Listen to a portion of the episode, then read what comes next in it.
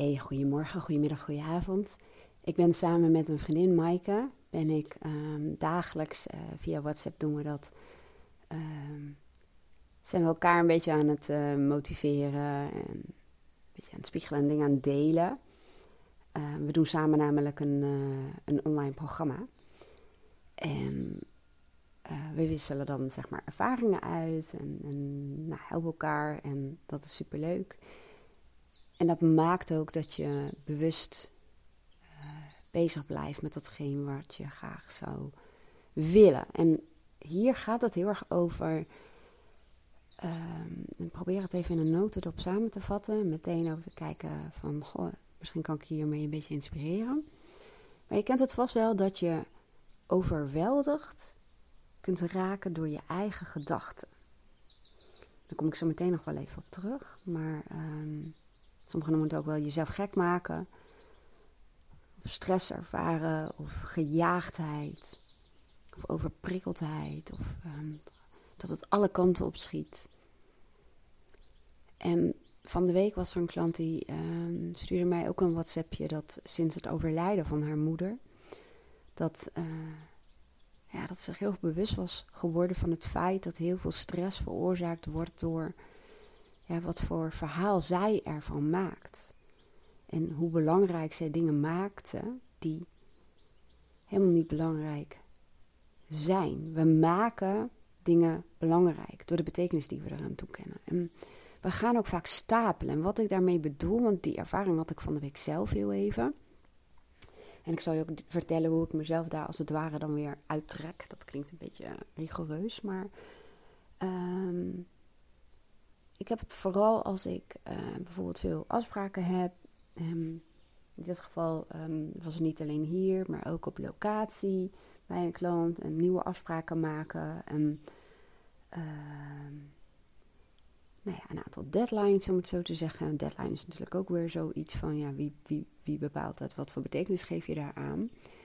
Maar ik had in één keer het gevoel van, oh jee, het is heel veel. En ik, ik, ik kwam in een haast. En voel me gejaagd en dan um, kan ik ook een beetje rommelig worden in mijn hoofd. Dan denk ik, oh, ik moet dat doen, dat doen, dat doen. Het wordt dan een soort van te veel. Je gaat stapelen.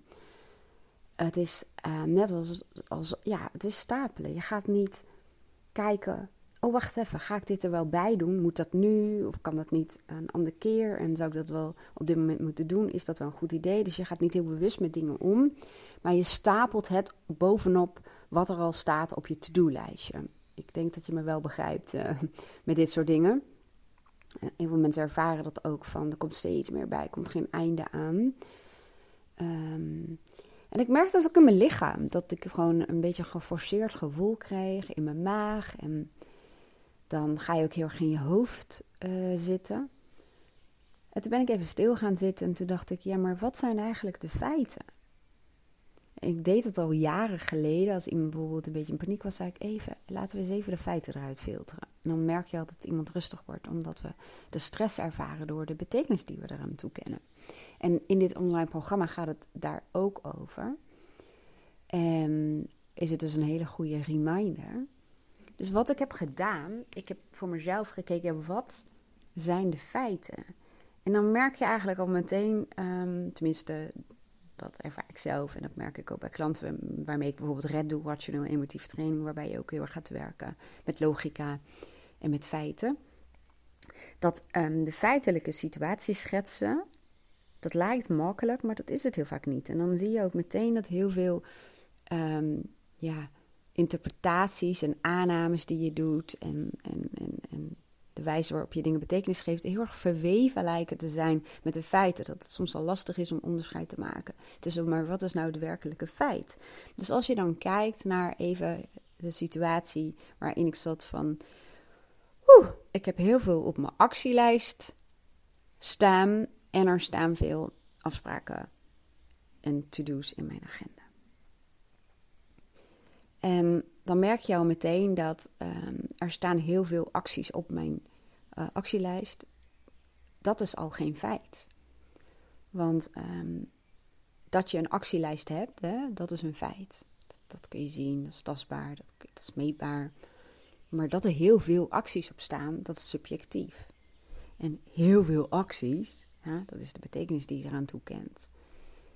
Dat geeft je stress. En waarschijnlijk ook de gevolggedachte van er staan veel acties op en ik moet ze allemaal oppakken vandaag of zo of deze week en het lukt niet of het is veel en of het zijn veel versnipperde dingen, whatever wat. Maar die vervolggedachten, die veroorzaken stress. En door terug te gaan naar de feiten, het feit is dat ik een lijstje heb. Ander feit is dat daar dingen op staan geschreven. En meteen gaf me dat al wel het inzicht en daarmee ook het geruststellende gevoel. Ik heb daar dingen opgeschreven. En ik ehm, ben in staat en ik heb de mogelijkheid om ze te toetsen aan de hand van een aantal criteria. Criteria zijn bijvoorbeeld voor mijn persoonlijke waarden, je doelen, nou, whatever dat voor jou is. Maar ik ben, ehm, of laat ik het zo zeggen, ik heb de vrijheid en de keuzevrijheid om er naar te kijken. Om er even voor te gaan zitten en voor mezelf te bepalen. Maar wat zijn nou echt voor mij belangrijke zaken? En welke niet? En hoe kan ik het, um, als ik een uh, overzichtje heb gemaakt van de dingen waarvan ik denk, ja, die zijn belangrijk. Als het gaat om mijn waarden en als het gaat om mijn doelen, die wil ik gewoon graag doen. Um, dan kun je gaan kijken hoe ga je dat organiseren. En dan kun je ook dingen, ik noem het vaak, wegzetten in de tijd. Want we denken heel vaak dat de dingen die uh, tot ons komen, of die gevraagd worden, of waarvan we dingen bedenken, dat het ook meteen in korte tijd gedaan moet worden. Wat natuurlijk niet zo is. En je zult ook zien dat er heel veel dingen zijn die. Um, ja, het is ook subjectief. De stress die je ervaart is, ervaart is vaak subjectief. Als mensen zeggen: Ik heb het heel erg druk. Maar als ze vervolgens wel drie uur per dag op Instagram en dat soort dingen kunnen zitten, dan is maar de vraag of het druk zijn een feit is of dat dat een beleving is. Hè? Um, en dat geeft ook heel veel ruimte. Heel veel ruimte om bewust uh, de regie terug te nemen, om het even zo te zeggen. En het grappige is, hè, want waar gaat het nou eigenlijk over? Het gaat er natuurlijk over dat je gaat kijken van wat zijn nou de feiten? En hoe heb je daar betekenis aan gegeven? En kun je daar misschien op een heel andere manier betekenis aan toekennen? En ik speel dan ook soms met setting. Want um, ja, jullie weten waarschijnlijk allemaal ook wel. Ik heb wel eens gehad, dat is echt jaren geleden. Echt, ik was hartstikke jong nog. En um, ik deed de marketing uh, bij een bedrijf. En ik moest voor een, uh, voor een bestuur een, een marketingplan opleveren. En uh, ik weet nog wel dat ik op kantoor zat en ik had echt koorts, maar echt ook hoge koorts. En echt dat ik ook het gevoel had dat ik een beetje van de wereld was. Uh, en toen, eerst voordat dat kwam, zeg maar, uh, had ik een idee van hoe dat plan opgeleverd moest worden. En naarmate die koorts erger werd, had ik wel in de gaten van ja, ik zal nu toch wel even um, voor mezelf moeten bepalen. Wat echt belangrijk is, en nu zou ik zeggen, uh, nou, misschien is het gewoon slim om dan naar huis te gaan, maar toen was ik nog niet zo ver. En uh, ik weet nog wel dat ik toen in één keer uh, heel veel scherpte kreeg in de zin van, hé, hey, wat is nou eigenlijk echt belangrijk? En alle bijzaken en tierenlantijntjes en, en dingetjes die helemaal niet veel verschil zouden maken, die vielen weg. En waarom denk ik daar nu aan? Omdat ik zeg van ik speel vaak met setting. En stel, en dat hoop ik natuurlijk niet, hè, dat is uh, niet uh, wat ik zou willen. Maar stel dat ik bij wijze van spreken uh, twee of drie dagen deze week griep zou krijgen. Ja, hoe dan? Hoe gaat dan met mijn actielijst? En, en, en, en alles wat, waarvan ik nu denk, oeh, dat is veel. Ja, dan krijgt dat ook een andere betekenis. Hè, nu zou ik niet, um, terwijl ik griep heb, sowieso niet mensen gaan coachen, dat even terzijde. Maar uh, ook niet die hele actielijst af gaan zitten werken. Dan gaat je prioriteit hopelijk naar je herstel. Ja, dan ga je misschien even kijken of je misschien wat dingen uh, kunt uitbesteden. Zodat je je aandacht kunt richten op het herstel. Dus dan kan het wel, omdat dat dan urgent is. Ja, en misschien kun je me niet volgen hoor, maar door te spelen met setting uh, daag ik mezelf ook uit om even uit dat loopje te komen. dat je dingen belangrijk maakt die helemaal niet zo heel erg belangrijk zijn. Maar je hebt ze in je hoofd gewoon heel erg belangrijk gemaakt. En misschien denk je, ja, ja, maar ehm, je kunt toch niet de hele tijd denken, ja, wat is echt belangrijk, want dan doe je natuurlijk geen ruk meer. Maar het gaat er ook over dat wij echt vitaliteiten, uh, ja, daar is een woord voor, die zoek ik, maar die kan ik niet vinden. Uh, in elk geval uh, tot urgent kunnen maken. En ik eh, gebruik heel vaak de, um, ja, de symbolische, um, hoe moet ik het nou zeggen, situatie. ik heb die gewoon op de een of andere manier, ik weet niet hoe het kan, maar het is grappig dat ik dat regelmatig in sessies heb gehoord van um, dat bijvoorbeeld vrouwen um, het huis aan het doen zijn, of een man kan ook, maar dit voorbeeld hoor ik dus veel bij vrouwen. En uh, dat ze uh, ja, in hun hoofd hebben wat ze gaan doen. Maar dan lopen ze bijvoorbeeld naar boven om iets weg te brengen. En dan kijken ze, zien ze uit hun ooghoek bijvoorbeeld spinnenwebben. En dat komt dan ook op het lijst van shit, oh de spinnenwebben moeten ook nog. En dan lopen ze verder en dan zien ze bijvoorbeeld een kledingkast uh, waar kleren in liggen die eigenlijk naar een andere plek moeten gaan. Oh, dat moet ook nog. En zo, dat bedoel ik ook met stapelen, waren dingen die je gisteren nog niet had waargenomen, die spinnenwebben, simpelweg omdat je ogen daar niet heen gingen. Die waren toen nog niet relevant, maar omdat je ze waar hebt genomen en de betekenis eraan toe hebt gekend van die zouden daar niet mogen zitten, die moeten dus ook vandaag weg, die moeten dus ook nog. Ja, dan door dat stapelen en door de urgentie die je er dan aan toekent, ja, dan ervaar je stress. En dat heb ik zoveel meegemaakt. En niet alleen bij vrouwen, ik heb het in allerlei settings meegemaakt. Um, dat dingen, nogmaals, die eerder niet opgemerkt waren, die kunnen zomaar, doordat je ze waarneemt en een betekenis aan toekent, in één keer urgent worden. Maar het is niet urgent. We maken het urgent. En dat biedt ook, en dat hoop ik ook dat ik daarmee een klein beetje inspireer, want dat helpt mij heel vaak wel. Je hebt de vrijheid en de regie om te bepalen wat werkelijk urgent is. En daarnaast, ik weet niet of je die Eisenhower-matrix kent, de time management matrix, zouden urgente zaken, urgente en belangrijke zaken, ook niet de hele dag door moeten zijn. Want dan ben je misschien een brandweerman die de hele dag brandjes aan plus is, bij wijze van spreken. Ehm, en zelfs dat zullen ze bij de brandweer uh, veel beter hebben georganiseerd. Dat niet dezelfde mannen dat de hele dag doordoen. Maar die Eisenhower matrix die ga ik even delen. Um, want daar gaat dit ook over. Dat is een vierkant. Die is opgedeeld in vier vakken. En in de linker bovenste hoek, het eerste vierkant, ze noemen het ook wel een kwadrant, staat um, urgent en belangrijk. Dus dat zijn de zaken die echt urgent zijn en echt belangrijk zijn. En ik had het net even over de brandweer, maar um, dat is bijvoorbeeld als je een telefoontje krijgt dat de schuur in de fik staat. Dan ga je niet zeggen, ja, sorry maar ik ben nu heel even die spinnenweb aan het weghalen. Ik bel je wel als ik klaar ben, ik weet dat ik overschrijf. Maar je snapt wat ik bedoel, hè? Dat ga je niet doen. Dan ga je waarschijnlijk handelen en dan laat je die uh, plumeau of ooit zo'n ding uit je handen vallen. Um, maar dat zijn zaken die over het algemeen, neem ik aan, want lijkt het me echt heel stressvol, niet de hele dag door gebeuren. Want dan ben je ook de hele dag in stress en in de opperste staat van paraatheid. Um, maar dit is dus wel wat we vaak doen: dat we zaken die um, niet per se belangrijk uh, uh, zijn of niet op dat moment waarschijnlijk urgent maken. Nou, tweede vak, dat zijn de zaken die zijn niet urgent, maar wel belangrijk. En dat is vaak, dat noem ik ook uh, vaak het vak dat sneuvelt. Terwijl dat vak, of niet het vak op zichzelf, hè, maar, de, maar de, de, de, activiteiten die daarin zitten, dat zijn wel de activiteiten, noem ik het dan maar even, die wel het leven de moeite waard maken. En die zorgen voor um, ook uh, doelen behalen op de lange termijn. Het is het vak waarin je de tijd neemt voor relaties en dat je dat met aandacht doet. Dat is het vak waarin je, um, ja niet in het vak, maar je snapt wat bedoel.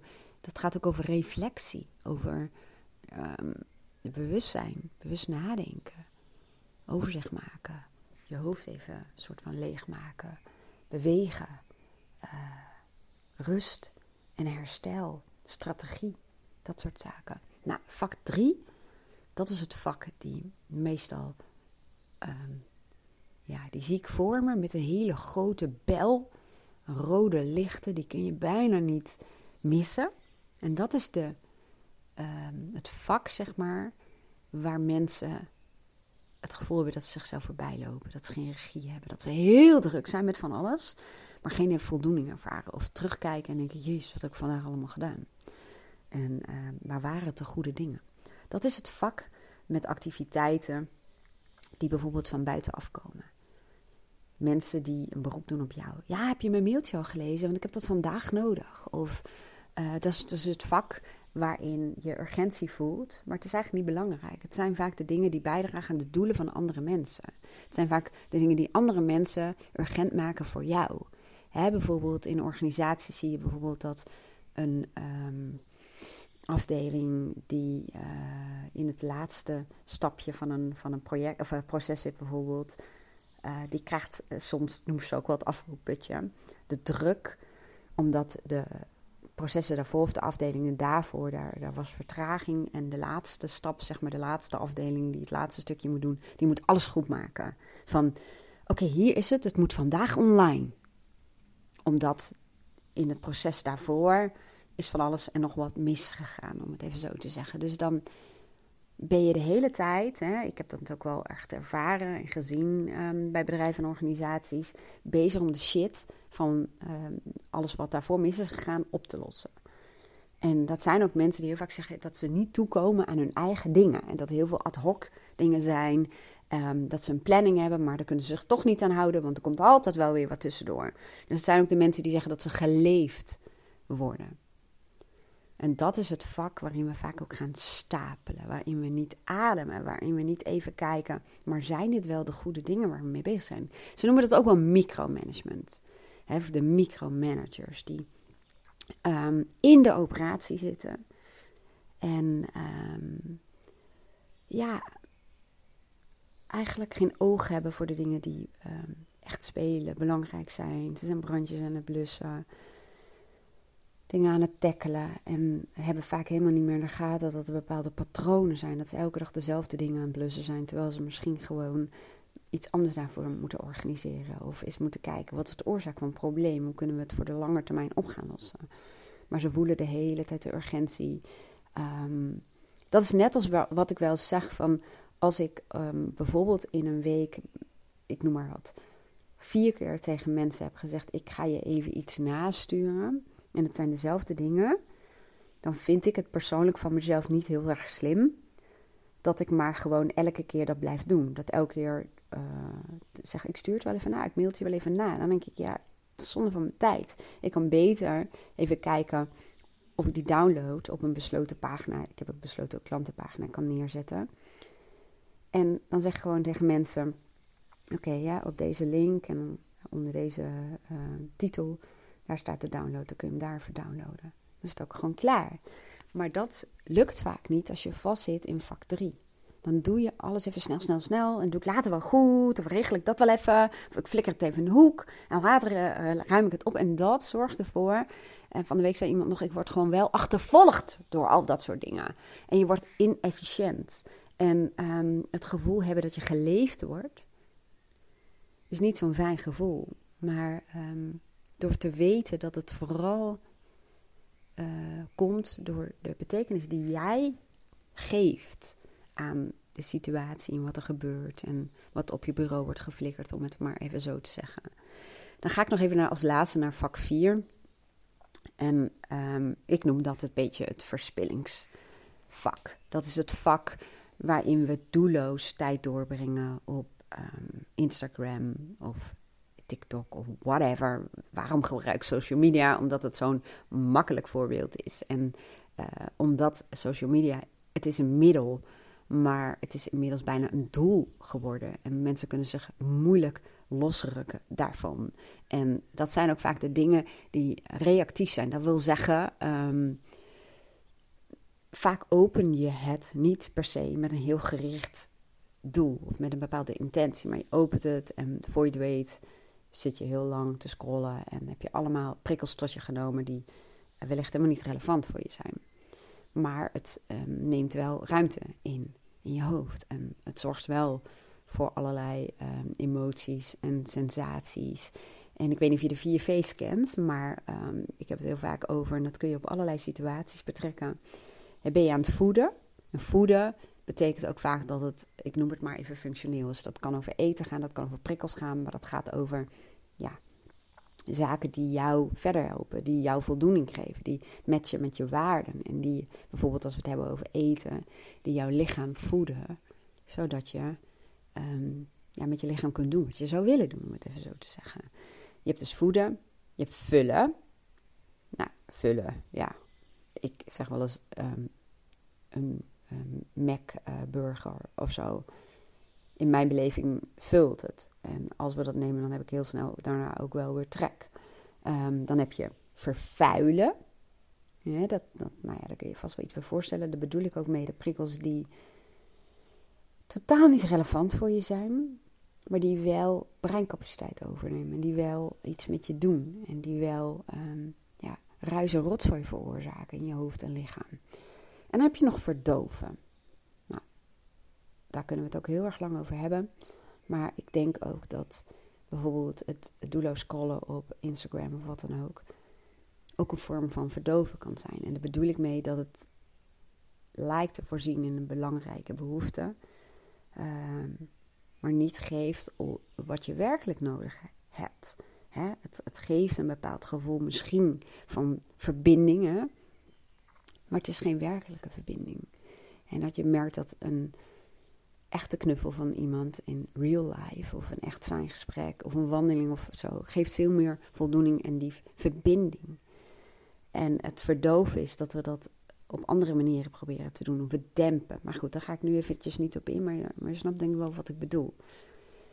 Nou, ik hoop dat ik je hier maar een beetje kan inspireren. En uh, zo ja, dan uh, laat het weten. En ik wens jou een hele mooie dag. En heel graag tot de volgende podcast.